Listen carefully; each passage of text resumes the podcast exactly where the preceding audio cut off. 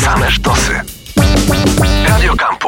Program powstaje przy współpracy z miastem Warszawa. Przed nami miesiące, w których będziemy potrzebowali i więcej światła, ale też ciepła płynącego z kaloryfera. A z kolei w drugą stronę na osi czasu patrząc, od kilku tygodni czy też miesięcy docierają do nas takie określenia jak kryzys energetyczny, jak możliwe przerwy czy też braki w dostawie prądu i ciepła. Będziemy dzisiaj w stacji Warszawa sprawdzały razem z Moniką Bojt, rzeczniczką ratusza. Dzień dobry. Witam serdecznie. Sprawdzały będziemy, jak te przewidywania mogą przełożyć się na rzeczywistość Warszawy, a używając już tych takich najbardziej, mam wrażenie, dotykających mieszkańców zdań, czy zabraknie nam prądu, czy też ciepła, chociaż daleka jestem od y, takiego straszenia. Mam nadzieję, że skupimy się bardziej właśnie na planach, przygotowaniach i potencjalnych scenariuszach w przypadku wspomnianych zdarzeń. Proszę powiedzieć, czy miasto przygotowuje się w jakiś sposób na wspomniane przeze mnie braki przerwy w dostawie prądu czy ciepła? Bardzo chciałabym Państwu wyjaśnić e, taką kwestię, że miasto w tych obszarach, czyli jeśli chodzi o energię i ciepło, jest klientem tak samo jak Państwo, jak odbiorcy indywidualni. My również kupujemy po prostu na rynku e, dostawy usług w postaci właśnie dostaw prądu i ciepła do naszych jednostek. Także często spotykam się z takim pytaniem teraz, no i co miasto zrobi z tym kryzysem energetycznym, jak się właśnie miasto przygotowuje. Proszę Państwa, my się staramy przygotować no najlepiej jak to jest możliwe, ćwicząc na przykład w naszych różnych jednostkach scenariusze E, kryzysowe, natomiast czy one nastąpią i, i czy będą te przerwy, absolutnie tego, czy, czy możemy temu jakkolwiek zapobiec, to naprawdę proszę zdać sobie sprawę z tego, że miasto nie ma na to absolutnie żadnego wpływu. Tak?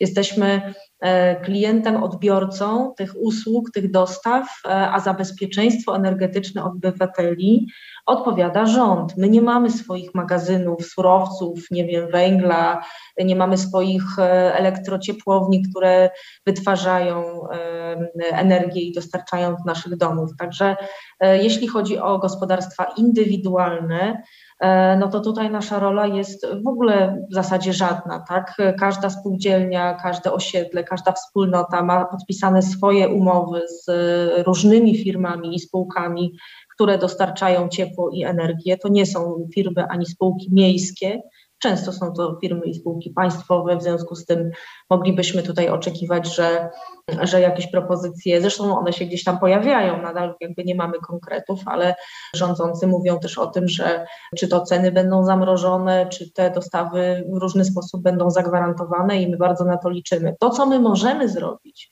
to jakby skupić się na naszych e, jednostkach, oczywiście na szkołach, na przychodniach, na miejskich szpitalach, na obiektach kulturalnych i sportowych.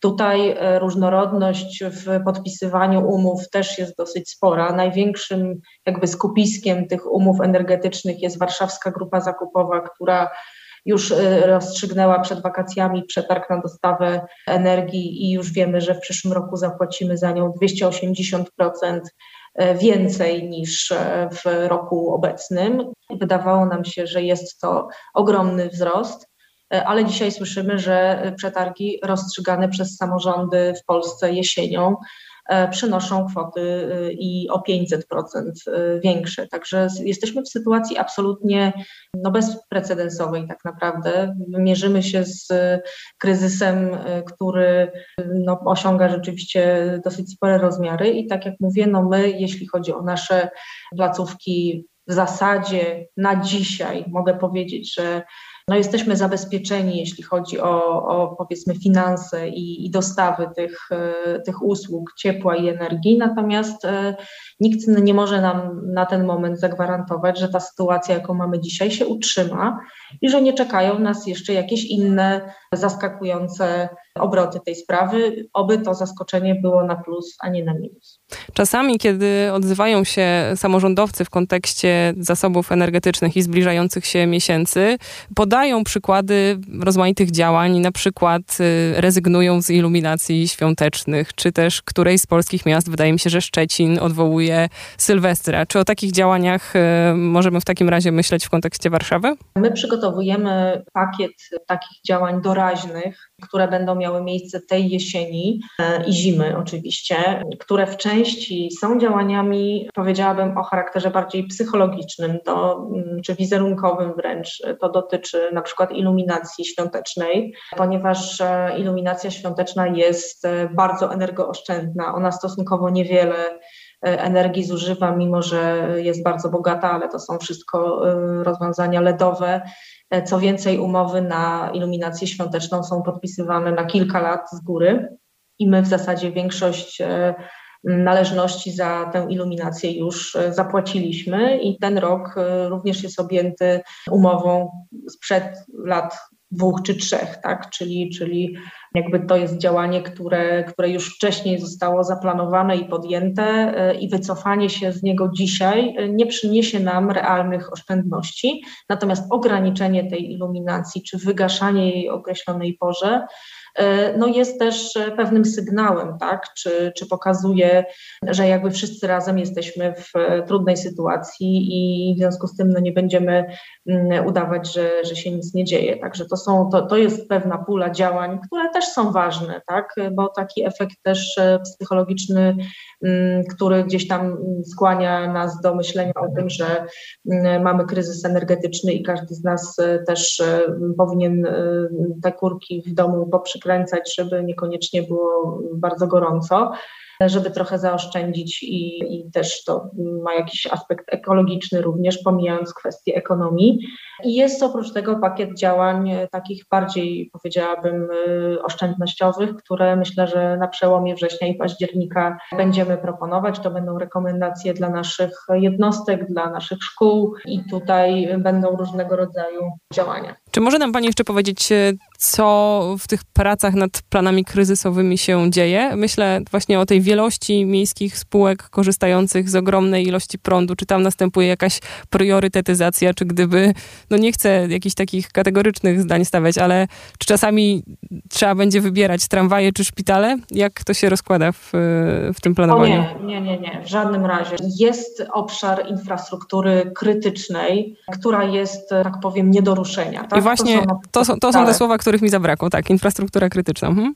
To są na pewno szpitale, to są na pewno wodociągi i kanalizacja, to są na pewno jednostki, placówki oświatowe, przedszkola, żłobki, domy opieki nad osobami starszymi czy, czy schorowanymi. To są te miejsca, w których w ogóle jakiekolwiek wyłączenia, przerwy e, są po prostu wykluczone. To po prostu nie może się wydarzyć i to jest ta infrastruktura krytyczna, w którą my wytypowaliśmy i wszystkie nasze jednostki wytypowały w pierwszym rzędzie, że tak powiem. Te prace u nas trwały już od lipca, odbywał się cały szereg spotkań e, i one właśnie miały na celu po pierwsze jakby uświadomienie zarządcom nieruchomości, zarządcom poszczególnych jednostek miejskich, to, że rzeczywiście perspektywa tego kryzysu energetycznego jest realna i żeby oni też jakby mieli wiedzę o tym, jakie mają podpisane umowy, w jaki sposób je ewentualnie aneksować ze swoimi dostawcami ciepła i energii,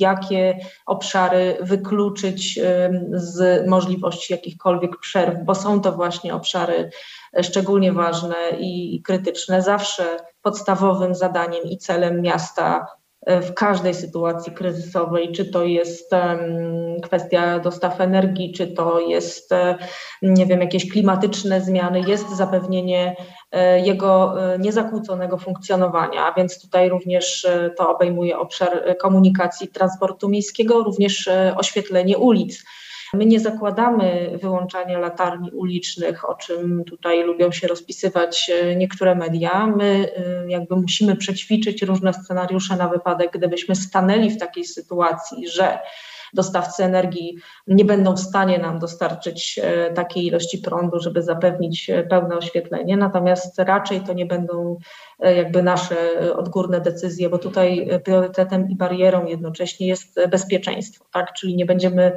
podejmować żadnych działań, które mogłyby mm, jakkolwiek to bezpieczeństwo naszych mieszkańców zmniejszać. Natomiast oczywiście przećwiczyć kwestie funkcjonowania w ograniczonym dostępie do, do energii musimy i to oczywiście robimy. Także jakby staramy się no, wykazać maksymalną zapobiegliwością, umiejętnością przewidywania pewnych rzeczy i profesjonalizmem.